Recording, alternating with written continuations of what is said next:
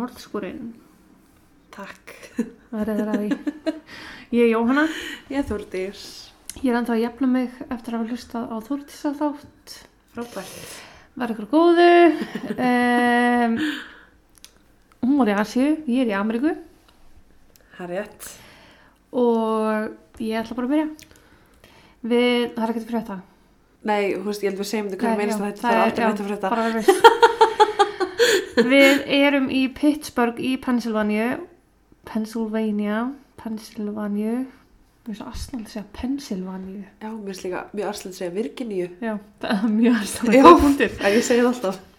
En þar var hann Michael Rosenblum fættur þann 12. apríl árið 1954 og var engasonur og eina barn fóröldri sinna þeirra Barbara og Maurice Rosenblum. Pappan sem Maurice og ég kem til með að tala rosa mikið um hann í gegnmálið. Ok. Þú ætlar að muna það, Maurice. Maurice. Ok. Michael í Baldwin útkvörum Pittsburgh og var augastinn fóröldri sinna. Hann var prúður og góður strákur með indæmum klár og heitlandi en hann er, það Nei. Má, okay. en hann er sagður hafa átt sérstaklega auðvöld með að heitla dömunnar upp úr skónum. Þessi klári og heitlandi strákur átti þó eftir að fara verulega út á spórinu þegar hann var komin í mentaskóla en Michael átti eftir að flækjast inn í ansið þungan heim. Ungur var að fara hann að fykta við fíknefni og var fljótt orðan háður sterkum livseðskildu livjum og áfengi ofan í það. Það er blanda sem að oftast nær fyrir hryllilega illa í fólk og það var akkurat það sem að gerist hjá Michael. Hann var fyrir miklum skapbreytingum, ógnaði fólkinu sínu og lét almennt öllum illum látum þegar hann var undir áhrifum. Já. Hann hefði klára mentaskóla en lauk aldrei námi í háskóla að hluta til vegna fíknavandans en pappans kom honum í vinnu hjá sjálfu sér að selja tryggingar. Michael vildi eignast flotta hluti og lifa hátt eða living the good life eins og hann orðaði það sjálfur Já. og pappans vildi að hann myndi að læra að vinna fyrir því sjálfur þá. Þess að hann fengi ekkert að lifa á fóröldu sínum. Hann komst ofta mörg sinnum í kast við lögin vegna nýslu sinnar og um rúmlega tvítaugt hafði hann margsinnis verið handtekinn fyrir aukulagabrott, þá keirendur áhrifum, hraðakstur og fyrir vörslu fíknefna. Þá hafði hann reglulega líka sínt mótþróa við handtökur og lögruglafskipti og var búin að næla sér í nokkra svoleiðis kærur líka. Já, flottur. Fóreldrar hans voru mjög stuðningsríki samt og voru duglega að leita úrræði fyrir hann en pappans, Maurice, var mjög meðvitaður um að vafasama læknir hafði auðvelda Michael aðgengið að livjum. Ég verð svo mikið aðtælisbrest. Einu sem ég heyri er Morris, Morris, Morris. En ég veit ég á að muna það. Ég er bara eitthvað. Uh, sá læknir var starfandi í Jersey Shore, Já. þarna var ég aðtiklinniðinni, þar sem þau fjölskyldan átti sumarhús og hafði hann skrifað upp á hundruði livsæla fyrir Michael. Já, ok.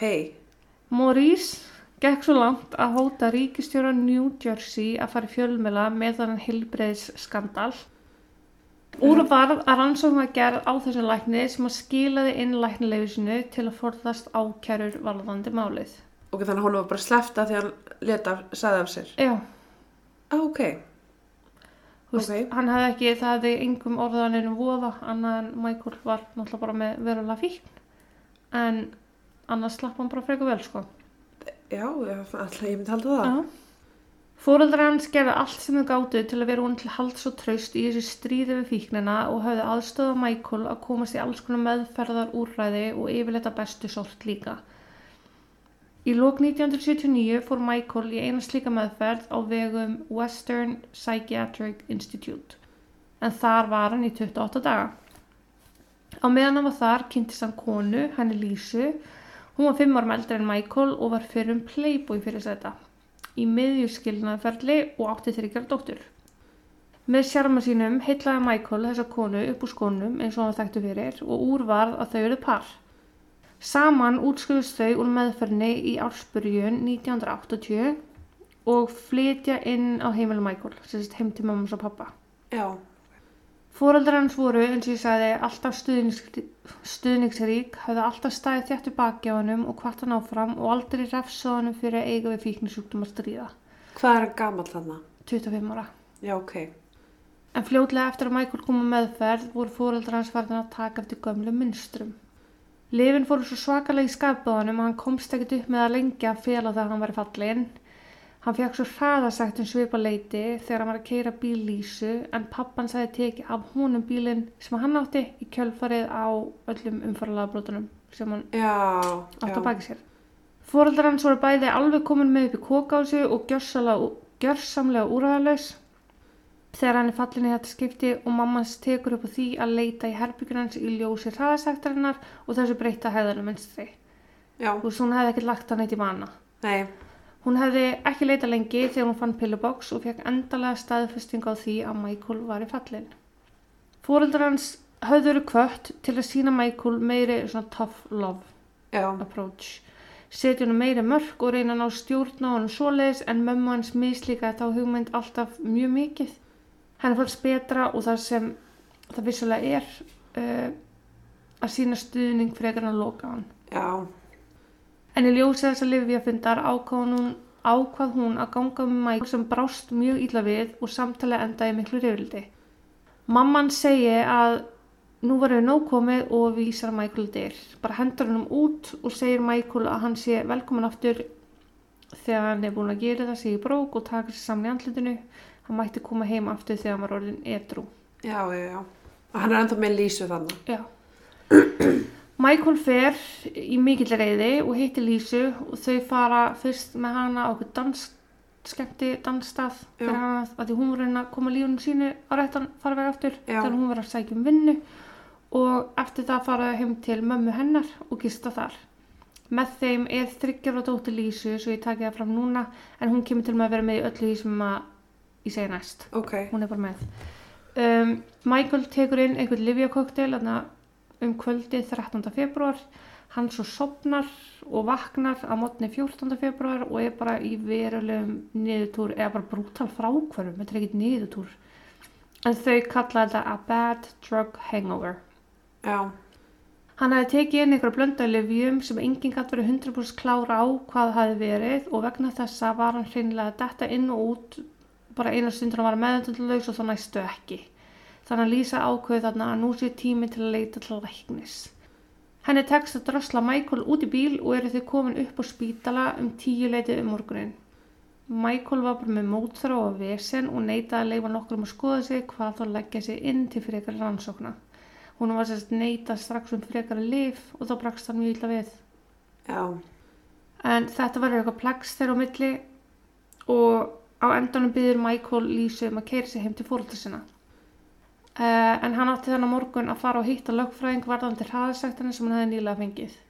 Sem sagt að díla eitthvað við það. já, ok. Lísa samþykir að keira hann þangað og þau leggja af stað en Lísa átti sér fljótlega á því að hún hefði kantað dekkið á bílnum og nú var það líklega sprungið. Ég þekki hérna svo leiðis líka. Já, ég dekti hver það er. Svo hún ykkur inn á bensinstöð til þess að fylla það að lofti. Það var ekki sprungið, það var bara, já, Michael á Livjum var bara upp á skauðleindi. Hann trublaðist á þessum klaufaskap Lísu og helli sér yfir hana fyrir framann allt og alla sem vildi sjá og heyra á bensinstöðinni. Svo mikið svo að afgrústumæður hringdi að lauruglu. Áður en laurugla náði mætisvæði sest Michael í bílstörusætið og ákveður að hann skuli bara keira sjálfur. Skipar Lísu inn í bíl sem hún gerir.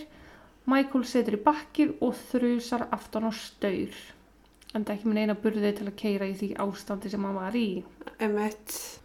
Lísa ætlaði aldeilis að hella sig yfir hann en áður en hún fekk tækifæri til þess skipaði Michael henni að fara út úr bílnum og taka dótturina með sér.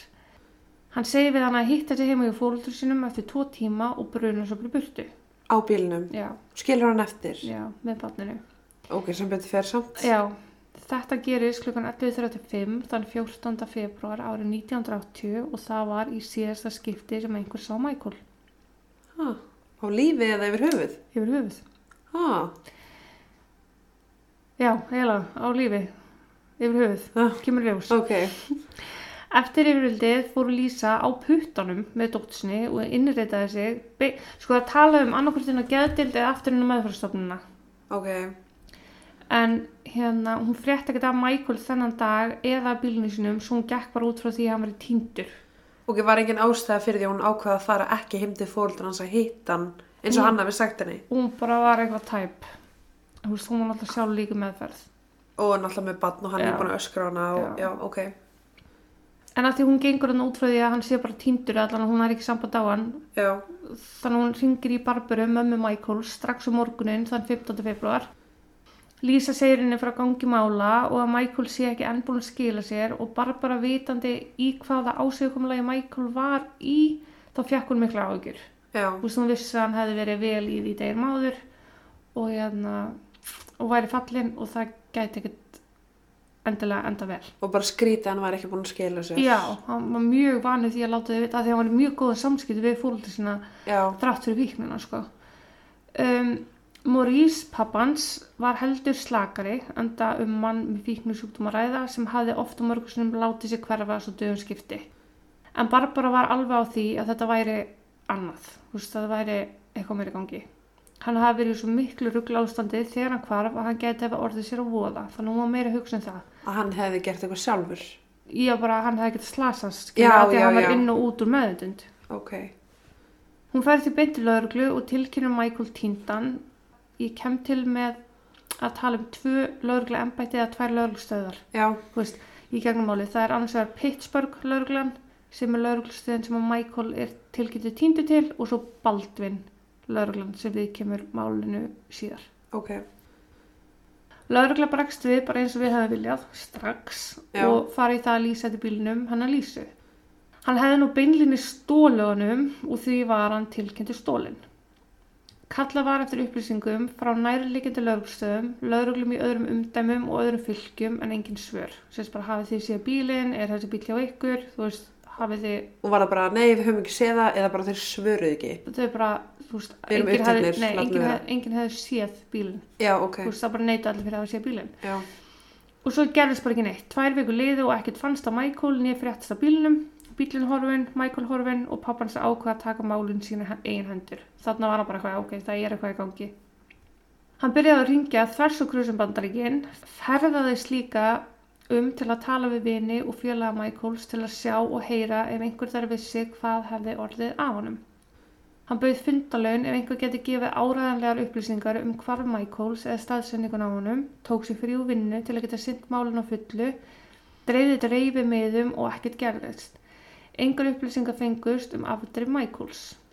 Einn daginn fekk hann þó símtal frá ókunnugu númeri, þessi bara, þú veist, þetta er heimasíma þessum tíma, þetta er 1980, já, og á henni línu var maður sem sagði einfallega að sonuðin var handtekinn og ekkert meir. Og hann var bara, hvað djúskefta er þetta, þú veist, tók ekkert marka á þessu, skellti bara á, já, vissi líka að þetta væri alveg af frá því að lauruglan var væntalega ekki að eyða tíma og peningum í að leita að sinni hans hefði handtekið hann. Já, emitt Og áframlega tímum, tíminn, þreymur mánuðum síðar eða í mæ ringir Thomas Mors, lauruglumæður á vegum Baldvin lauruglunar í Lísu.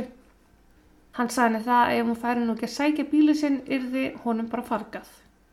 Lísa skildi hvorki uppni niður enda hafði hún ekki hugmyndum að bílinn var hundin og batt vonum að nú var Michael komin tilbaka. Þetta er þess þremur mánuðum eftir að Hann- týnist. já, Hún ringir í laurugluþjónin á vegum Pittsburgh lauruglunar sem fór með mál Michaels og let hana vita að bílinn var fundin. Laurugluþjónin Theresa Rocco fer aðgleðist til Baldur lauruglunar á samt fleiri laurugluþjónum og Maurice, pappa Michaels, til að fá svör við því að hverju ósköpunum hún hefði ekki fréttað þessu fyrir þarna. já, Þess þá heldur þegar komi ljós að Baldur lauruglan hefði verið með bílinn síðan 14. februar eða daginn sem að Michael hvarf. What? Þá er það þannig að lauruglumennir Chester Lombardi og Robert Webber fá tilkynningu sama dag og Michael Carver um yfirgefum bíl við East Carson Street eða það sem er kallað River Road af því það er þessi líku verið rennandi á. já, Uh, það er vegur sem ekkert er í raun annað en þú veist áinn leikur að meðfram veginum og það er skólandi fyrir ofan. Uh, klukkan 12.24 komur lauruglumennir á staðinn, komast að því að bílinn er í eigu lísu og kalla eftir dráttabíl. Á meðan þeir byðu komið þriði lauruglumæðurinn Thomas Mors á svæðið fyrir tilhjulun og spyr þá hvað er sér að gera.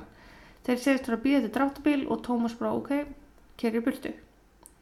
Stuttu síðar mæti dráttabílinn og tekur bíl Lísu og fer með hann að bílastæði þar sem að bílar sem dregnir eru geimdir, Já. þú veist, á vegu lögreglunar. Um þetta var til skýsla, skýsla þar sem þeir höfðu skrifað að þeir koma að bílnum köldum, sérst að hann hefði ekki, Verið í gangi. já, sérst að hann var búin að standa hérna í einhver tíma. Liklandi voru hverki sjáulegir og fram og afturdekk öðrum meginn voru sprungin. Já, ok. Uh, öðrum meginn. Sem stemmir við uh, þegar Lísa var að keira. Nei, í raunin ekki, af því hún, hún, þú veist, það var bara loftlust ekki, hún bara bæti lofti í. Já, ok. Það var bara öðrum meginn. Já, eða eitt dekk en þetta er sko 12.24 hann týnist 11.35 það sést síðast 11.35 þannig að þetta var klukktumir síðar sem að bílinn er fundin ok. Baldvin yfir lauruglu þjóðnin Aldo Gaburi ég kem til maður að kalla hann bara Aldo sagði til Rísu Rokko Já, hjá henni lauruglustöðinni að hann hafi fyrst fengið fregnir af bílnum þennan daginn sérst þannig mæ já, Hann hafi ekki haft hugmyndum að hann væri aðna en að deildinars hafi sendt lísu tilkynningu þess efnis að bílinn var á þe- á þeirra snærum, upprunlega þegar hann fannst. ok. Þegar Teresa segir það getur nú bara ekki verið, Lísa hafa aldrei fengið neina tilkynningu, segir Aldo og það hljóti það að vera að brefið hafi brunni í póskassabruna, sem er bara mjög hrókufullt og leðilegt svar. Veist, er það kalt henni eða áttu það bara í alveg að hafa gerst? Bara, þú veist, það var bara til þess að þakka niður í þeim, skilju. Ah, ok. Teresa vildi einhvers konar sönnunagögn varðandi þetta sem að Baldjón lögreglan svaraði viku síðar en þar til hrindi Teresa til leitar á svæðinu þar sem að bílina hefði fundist. Maurice pappi Michaels réð kafara og þyrlu til að geta leita á þessi afmarkaði svæði eins vel og hægt væri og leitasvæði var það allar helst á milli vegar og á, sérst fyrir neðan vegurinni. Þetta gekk allt saman voðalega hægt og tóku nokkru Baldur lögreglu þjónar sér til og spurði Aldó hjá Baldur lögreglunni hvort þið mætti ekki færa leitina bæði aðeins ofar og aðeins sunnar og þannig breyka leitasvæði með vonum að finna eitthvað. Aldó neitaði því og bar fyrir sig að Maurice pappi Michaels hafi sagt að þess var engin þörf á og það ætti bara innblina á þessum stað þar sem uppröðlega leitin var. Þannig var bara mjög lítið afmarka svæði. ok, og sérst, lög, eða sérst, já, þeir eru sérst að neita þeim að koma inn á þeirra land og leita. Nei, þetta eru lögreglu þjónar á vegum Aldós sem er hjá Baldur lögreglunni Já, sem eru bara að byggja um að stækka svæðið og hann segir nei. og hann segir nei. Já, ok. Nokkrum dögum síðar gáði Baldvin sagt þessi Aldó, sönnun sína fram varðandi að hafa látið Lísu vita af bílnum. En þeir voru með bref sem sagði allt þetta sem að svona bref að segja. Kæra Lísa, við erum með bílinn, kom Já. 14. Um, nema hvað á blaðinu var búið að krassa á Gallagher Notified Aunt. Og það átti þá að vísi það að Gallagher væri lögreglumæður sem hefði látið frængu Lísu vita af bílnum Ok, en Lísa átti enga frængu til þess að láta vita af. já, Svo það var strax mjög furðulegt. Og nokkrum dögum eftir það hringdi Aldó í Teresu Rokko og sagði henni að það hlita vera að Michael var í lífi, hann var í grunar um rán sem hefði gæst hann 28. apríl. Tveimur og hálfu mánuði eftir að Michael hverfur. já, ok.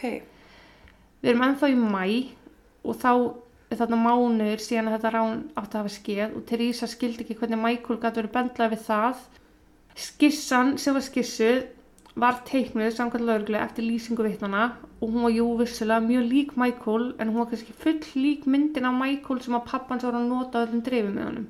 Á, Og það sem var skrítnara var að samkvæmt skýslunni varandi ránið sögðu vittnin ræningjan vera með sólgleru, stór svona pilot aviator glasses já, sem að sko náðu nánast niður á nef og upp fyrir augubrúnir.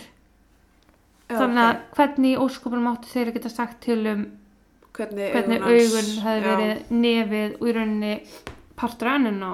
Já, Teresu fann spaldurlauruglan hreinlega að vera að klína þessum glæpa Michael bara út að hendi sig mig og hún ákvað því að fara til vittnana með mynda Michael og þau sagðan bara ekkert líkur þeim sem þau hafði séð. Eftir að hafa talað freka við þessi vittni komst Teresu að því að baldurlauruglan hafði ekki haft fyrir því einu sinni að tala við vittni sem að sá ræningjan hlaup út í bíl eða the getaway car. Þannig að baldurlauruglan virðist bara Vera- alveg út að skýta og greinlega ekki alveg með reynd fyrir sín dyrum. oh, En furðulegi hlutir heldur bara áfram að gerast.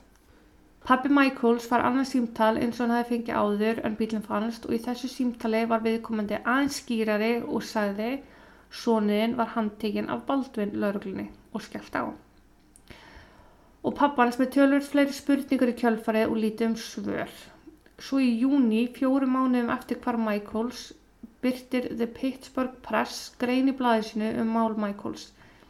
Þar var byrt mynd af Lísu líka enda viðriðin málið en myndin sem var notað af henni hefði verið í myndarálbumi í bílinum þegar Michael kvarf. Upplýsingar varandi málið ástand myndinni sagðist blaðamæðurinn hafi fengið frá yngum öðrum en yfirlögurlþjónunum Aldo Gaburi og þegar Lísa aðtöði í myndarálbumið uh, tók hún eftir því að myndin sem hún vissi fyrir vísta hefði verið þar var horfin. En þarna voru þeir en haldið í fram að bílinn hefði verið alveg, Þeir hefði ekki snert hann, Já. bara fært hann. já, Á. en samt er myndi enga eigu komin í fjölmila. Já, emitt. Svo, þetta er svolítið svona að þylja upp bara hvað gerist, en svo í júli eða mánuði síðar hringdi sami blaðamaður í móður Michaels og tilkendinni það að handtökurskipan eitthvað gefin út á hendur sonur hennar í ljósi þessa ráns sem að ég nefndi á hann og hvort hún vildi eitthvað kommenta á það hún var að fara að skrifa um að grein. Þrátt fyrir að það lág nokkuð ljóst fyrir að það væri ekkert um að ræða Michael í ljósi þess að skissan var ekkert af þeim sem að vittinu hefði séð. Já. Maurice fór það bara til fjölmela með þær upplýsingar sem hann vissi að skissan var ekki eftir vittnunum og lauruglan hafði trassað að tala við aðal vittnurunni sem að er sá sem sá upp í bíl Já. og það er þá vittnið sem er væntalega með bæði lýsingu á geranda og bíl og þegar hann gerir þetta þá fyrst bakkar Baldun lauruglan með að bendla Michael við málið og fellir niður handtökurskipunina. Aldur segist að hafa gert það til að byrja virðingu fyrir fjölskyldunni en Teresa Rocco var alveg handvissum að hann væri bara að reyna að klína þessu á Michael því að vera hendugt og síðan meir komi ljós hver raunverulegi, raunverulegi ræningin var að því að Teresa sjálf leita hann uppi. Já. Til bara afsanna Michael. Já, og sákur játaði að sagt sín og allt. Ok. Síðar komi ljós að Baldun lögreglan hefði ekki lift litla, litla fingri í þessari ráns, rannsókn frá því hún gerðist og þar til í júli þau gáði bara út handtökurskipunina. Já. Sýst þú voru ekki múin að gera neitt annað bara heist skissaði mynda þessum gaur, þetta er röglega hann. Ég bara hendur hann- lámarks vinna. Bara eins lítið og þeir mögulega komast upp með. Já. Þeir ætlaði bara að klína þessu á Michael og ekkert annað. Hendugt. Já. Maurice fór með þetta lengra til ríkis saksóknara og úrvarð að Baldvin lauruglan var skoðuð en það endaði bara því að þeir voru hrinsar af allir sök. Sérst að þeir hafa ekki gert neitt vittlust í þessu máli. Ah, ok. Ég var til að sjá þá skýrstu. Já, sem er bara, já. Og áframlega tíminn, mánuður og ári liðu, Lísa hefði lokið skilnanum sem var að standi á sínum tíma og gift sér aftur og búið sér til líf fjarrri Pittsburgh. Maurice eitti allir sína orku í að reyna að hafa upp á Michael án eins til að fara á. Hann var bara með þessu tvö símtól sem hann hefði fengið sem hann sátt í honum en full ástæði til því að 6,5 ári eftir hvar Michaels eða árið 1986 fekk Maurice sendt bref. Nafnlaus bref undirreita af áhyggjufullum vini innan gæslafa. Já. Og í þessu brefi stóð að Maurice ætti að hafa sambandi konu, Jean Haslett, sem hefði unnið sem bara, ég hugsa þetta sé rítari fyrir Baldwin laurugluna og þannig geti hann fengið staðfest að ekki hafi verið farið rétt með mál Michaels að halvu Baldwin lauruglunar. Já, ok. Maurice gerir það og kom þau að ljósa brefi sem að laurugluna hafi sagst hafa sendt Lísu varðandi bílinn, þetta þau sagðist hafa sendt Já. Já, hafi verið falsað. Þessi Jean vissi að Aldo Gaburi hafi beðið aðstofamannin sinn um að skrifa brefið, passa að dagsetningin var í 15. februar en ekki 20. mæ, en það var dagurinn sem þessi aðstofamaður ritaði upp brefið og svo falsa undirskrift Chester Lombardi, lauruglu þjónsinn sem hafi komið að bílnum á sínum tíma. Oh my god. Hann hefði þurft að falsa undirskriftina að því að Chester Lombardi sjálfur hafi ekki viljað kvitt á blaðið svona lungu eftir að bílinn það fundist. Hann hefði að skrifa undir það daginn sem að bílinn kom til skilur. Já, hann vildi bara ekki taka þátt í þessu. Já. Aldo hafi sagt honum uh, að passa að senda alls ekki brefið, heldur bara að setja það í möppu. Þú veist, Já. að það myndi ekki koma upp um sem póstimbli. Já. Þannig að það er endilega staðfyrst að brefi var ekki sendt til Lísu og brann ekki einhverju póskassabruna. En þetta varandi undirskriftuna var þá erfitt að staðfesta frekar því að þessi umræti Chester Lombardi hefði látist fjórum árum áður. ah, En aðstofamæður Aldós viðikendi þetta allt saman fúslega. Hann sagðist bara að vera að vinna vinnuna sína og fara eftir skipunum yfirmann síns og ég ljá honum ekkert fyrir það skilur. Hann var bara hættur um að missa vinnuna. Hann endaði nú samt á að vera rekin á í kjölfara þessu. ég minna. Já, en það lítur allt út fyrir það að þessi Aldó hafi bara algjör pungur með eitthvað óbústöð vald eða í það minnst að mjög mikla valda. Já, Um, Maurice fór beint með þetta í sveitastjórn Baldvins sem er bara yfirmenn lauruglunar í Baldvin síslu og klagaði þetta. Hann ætlaðist til að þetta eru skoðafrekar en það var verið að falsa skjöl og plotta. Það fór eftir og þetta fór fyrir einhverja nefnd þar sem Aldó Gabúri var sagt upp. Og Maurice held að hann væri að fá einhverju réttlæti framgengt en Aldó bara áfriðaði og var á hann aftur því að hann þekkti alla réttu kallana og þessi kallar vildu meina það að þessum aðstofamanni væri ekki tristandi eða trúandi já, ok, komum svo yfir á hann, eða? sem var bara mjög hendugt fyrir herra Aldó. Já, Maurice fekk þar upplýsingar í kjölfari að það veri auðveldra að Aldó myndi bara klára sinn feril frekar en að fara eitthvað að grúska í hans gömlu málum. Já. ok, Maurice gafst ekkert upp og árið 1988 var gerð önnu leitarsvæðinu sem bíl Lísa hefði fundist. Leitarsvæði var stækkað og fundist á fatnaður, skúsóli og brot úr að virtist beinum. Það fekk staðfæst að umvarraði föt og skó Michaels en beinbrotin voru úr einhvers konar dýri. Árið síðar sótti Morris um að Michael yrði út- úrskurðaður látin í ljósi þess að fatnaður hans fannst þarna og fór það í gegn 1990 eða 10 árum eftir einhvers á Michael. ok, það var ekkert spes að þeir fyndi bara föt Jú, það var bara, þú veist, ekkert annað að finna og var bara að leita á öllu svæðinu og það var bara fötin hans og ekkert meir, ekkert meir. ekkert meir. Tveimur árum síðar, eða í april 1992, var göngumæður á Vappi í skóginum, svæði fyrir omanvegin þar sem Aldó Gabúri hefði bannað lauruglumönnum sínum að leita á sínum tíma þegar hann gekk fram úr hluta úr höfukúpu. Í júni sama ár og á sama degi sem að Maurice fekk lagstinin fyrir tómugröf svona síns, fekk staðfest að þetta væri bein úr höfukúpu Michaels. En það fekk staðfest með röngirmyndatökumyndum sem til voru af Michael. Ég hefði ekki haldið að það verið svona rosalega áræðanlegt. Nei, eða þú veist líka bara hverju líkunar það eigi ekki allir röngun mynd eða þú veist myndir á sér. Nei, það eru bara til í kerfinu hjá, eða þú veist. Það veist bara fara allir í röngun bara Ég veit það ekki. þú Mér veist. það magnað, sko, ég sé fyrir, ég veist það er ekki mikið en tölvu með að veit þarna, sko. Ég sé fyrir mig bara svona svo x-ray Já, röngun. Ég sé Já. fyrir mig bara svo röngun, þú veist, fyrir mér er þetta bara alltaf nákvæmlega sama. Ég get ekki sagt, ef mun sína með þrjá svona myndir, ég get ekki sagt um munina um sko. ég get ekki sett um munin á mér á þér. Ég er að segja það. Þú veist, það er bara, what? Já, en allavega það bara fjagst endalega staðfæst eins og Maurice sem grunað fyrir upphafi að svona hans Michael var látin. Hann sagðist alltaf verið með örru litla von svo lengi sem hann væri ekki minna líkamsleifar af sínu sínum en hann gerði sér samt fulla grein fyrir því að fljótlega eftir hann hvarfa hann væri líklega slátin. Já, Hvað olli döðu Michaels er óvitað og kemur sjálfsagt ekki til með að koma í ljós en það eru þó nokkra kenningar um hvað gæti að koma fyrir. Fjölskylda Michaels ég er með eina kenningu sem ég er bara, er vissum að Baldun Lörglan hafi einhver með þetta að gera og það er alveg nokkru hluti sem að benda til þess líka. Fyrir það fyrsta, þessi Baldun Lörglþjónar koma að bílnum grunnsamlega stutt eftir að Michael hverfur. Michael sest síðast 11.35 og Lörglan kemur á bílnum 12.24. hvað ertu lengi að keira frá, hann 15 mínútum. Þú ert 15 mínútur að keira, þannig að ha- 45 mínútur Já, sem við getum sagt. Já. þetta eru 50 mínútur. ok. Þannig að, já, basically, 35 mínútur. Já, ég er ekki góð starfræði. 45% down. ok, ok, ok. 35% já. Ok, þú veist, ok, þetta er rúmur hálftími sem að maðurinn er búinn að keira þarna, Mhm. sprengja tvö dekk Uh og deyja.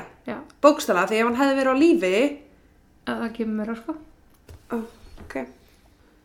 En eins og þú segir, það er óbúslega hæpið að þetta hafi tekist og líka hæpið að bílinn hafi verið kaldur eins og þau segja hann hafi verið þegar þau komu.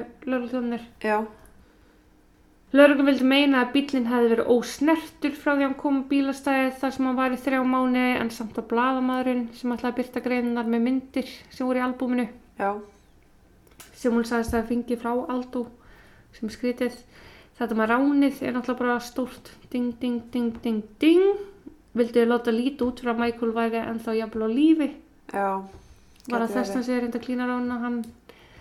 En svo var það þannig að árið 1989 fór Maurice með mál svona sinns í Unsolved Mysteries, sjóðstættina.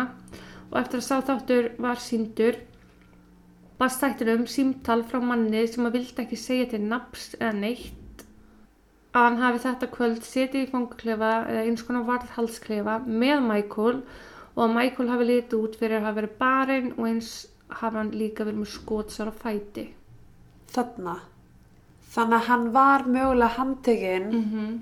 og síðar drepinn. Já, af því að þeir voru ekki mjög lengi saman að klefa af því að það komu tveir lauruglumenn og sóttan og sögðust ætla að fara með hann á spítala.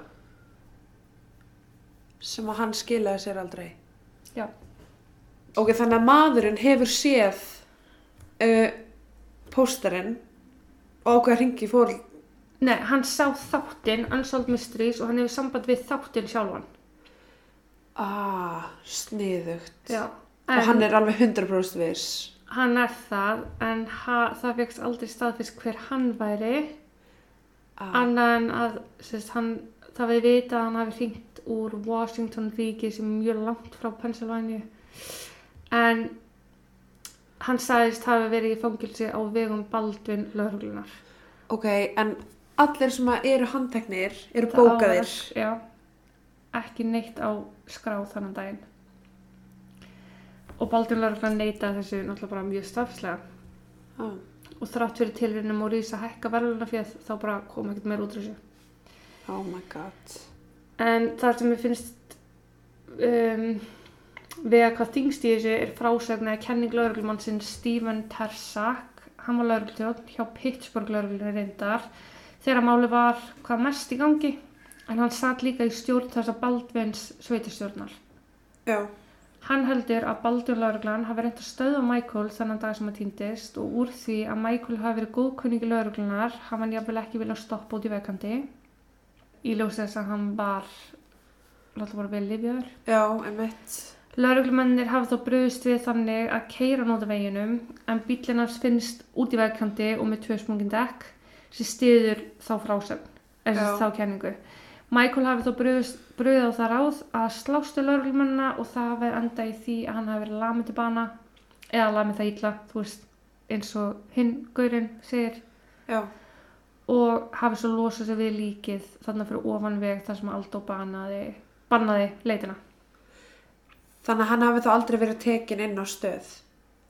bara, þú veist, í rauninni hann er bara með, þetta byrjar með því að eru að stoppa hann og, Og að þeir drepa hann á svæðinu. skilur. Nei, eða bara ekki, skilur, en hafi allan átt þátt í döðans. Já, eða þú veist, mér er bara svo langt gengi að þeir eru actually fara með hann upp á lauruglustöðu, bókan, ætla svo að fara með hann upp á spítala en ákveða að fara að drepa hann. Já, mér finnst það líka svolítið langsátt, mér finnst Já. þessi kenningilega líklegri. Já, að hann hafi aldrei farið en þá er líka svolítið skrítið að þessi gæi ringi og segi en á Já, sam- en það er alltaf fullt af skrýtni símtölunum sem hann kom í gegn Já. í svona málum, sko. Einmitt. En, hérna, þú veist, ég vil ekki bandla þessa lauruglumenn sem að, veist, sem að koma að bílunum endilega við þetta, en ég get alveg trúið að það hafi eitthvað komið fyrir bara þarna strax og hann týnist, þú veist, á þessum klukkutíma. Já, Um, líka er ekki svolítið skrítið að hann Oleg, hvað sem hann heitir Aldó. Já, Og líka délni. er ekki svolítið skrítið að þessi Aldó komi að þeim eða þú veist, hverju líkunar á því að hann sé bara líka keirum Aldó kom ekki að, það var annar þriði lauruglu þjóðni sem kom að þeim. Það var þriðji.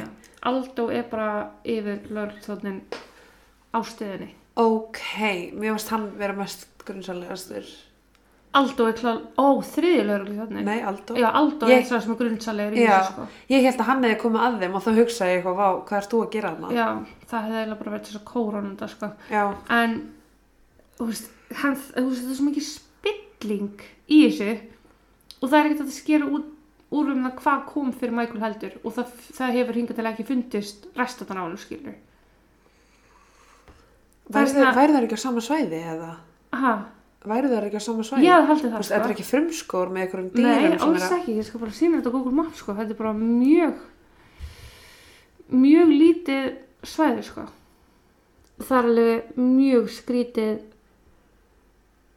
Líka, þú veist að því hann segir nei því mig ekki leita þarna og svo finnst hann þar Já, mér finnst það bara eitt og sér mjög já líka Undarlegt. bara ef þú veist, hver voru rökina bakvið að banna þeim að leita þarna? Þú veist, þú varst ekki með mannskap, vildur ekki borga, eða þú veist, hvað, nákvæmlega af hverju ekki bara útiloka það og þá geta sagt við þess að Teresu bara, hei, við leitum, hann er ekki hérna, Já. láta okkur við, eða þú veist. Einmitt. en það var náttúrulega bara svo margt annað sem var svo grunnsalegt líka þú veist Já, En ég er ansið hættum að að þeir hafi gert eitthvað að það sé einhver tengd út, maður hefur heyrt um svona málskilu að lögregla feli fyrir aðra lögreglumann skilur já, já, já, Og við erum það að tekið hann um mál.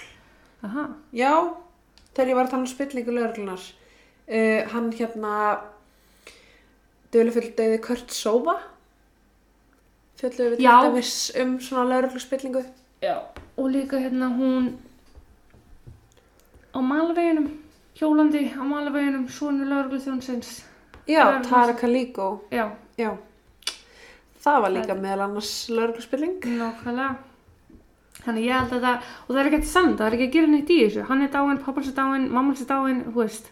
Já, En mamman skriði var alltaf miður sinni yfir því að eina skipti sem hún notaði þessa tough love aðferð sem allir voru alltaf hvetjandi þess að gera að þá hafa hún aldrei séð svona sinn framar. Þú æ, veist, hafa hún ekki hendur hann út, hvað þá?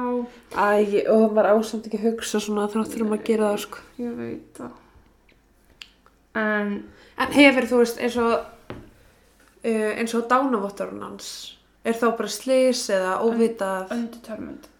ok og það er ekkit annað þú veist eins og einhver aðri vinklar bara að hann átti einhverja óvinni eða hann gætt mögulega að tekja sér þetta í líf. Neip, eða þú veist það er bara allt bendi til allt bendir til Já, þetta eru bara svona of margar allavega fjölskyldan er bara alveg staðræðan í því sko. Þú veist þetta hafi verið og það bendir allt til þess líka. já því að ef þeir hefðu til dæmis bara leift leitina eða ef þeir hefðu ekki verið svo skrýtnir og hann hefði actually bara keirt út af Mm -hmm. farið ykkur og dáið Já. hvernig sem það gerðist að þá já, þú veist, þeir eru bara settu augun á sjálfa sig með þessu Já, 100% og mér finnst þetta fyrst að vera svo illa séð að þeir eru með bílun all tíman og láti ekki vita því.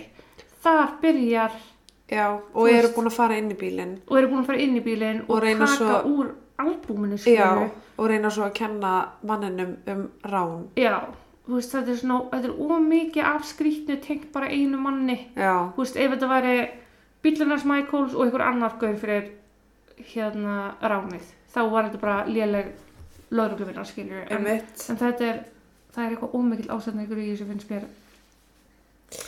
Ég ætla að halda að þeir séu eitthvað segir um þetta, sko. já, ég bara Eh, ég, þú veist, eina kenningi sem ég var kynnt fyrir Það er ekkert annað, skiljur, þú ég er að segja það, veist, það er ekkert annað sem kemur greina og það er örugglega ástæða fyrir því að segja ekki neitt annað sem kemur greina Nei, af því að þú veist, Teresa, hún hefði aldrei sætt sig við það að rannsaka þetta ekki Nei, og líka því hann átti sko mæta á fund með lögfræðingunum sínum og sagðist til að hitta hann heima til tvo tíma. Já. Þannig að þú veist þessna bara, En var þetta þar sem bílinn fannst, var það á leiðinni heim til fóreldrans? Það, nei, það var í áttina að þessu lögfræðing, skildist mér sko. Já, hann er sérst, já, því að hann er í Baldvin Já. County, já. Þannig að, Þannig að hann hefur kannski bara ætlað að fara þangað og tala við lögfræðingin. já, það bara skilur sig sko, Já. þú veist. og ég meina bara, já, þakka Guði fyrir að hann var ekki með Lísu og stelpuna með sér Já, nákvæmlega. En það sem, sko, eina sem að, mér finnst svona, þetta er 1980 sem þetta gerist, og ég- þú veist, Google Maps segir mér að tekja kortir að keira frá bensinstöðinni og að það sem að Já. fannst. Ég veit ekki hvernig það var fyrir 40 árum, sko. Nei, það er rétt Hvort það hafi tekið lengri tíma eða hvort það, þú Ég veist, meina, ef það tók virkilega lengri tíma þá, þá er þetta ennþá skrýtnar, þá sko. er það ennþá skrýtnara, sko, já. En þetta er svona, og ég veit ekkert hvort það sé að ræða þetta neitt frekar, sko. Nei, nei, bara, já. Já, já. Herra, þá segi ég bara takk fyrir mig í dag og takk og bless. Takk og bless.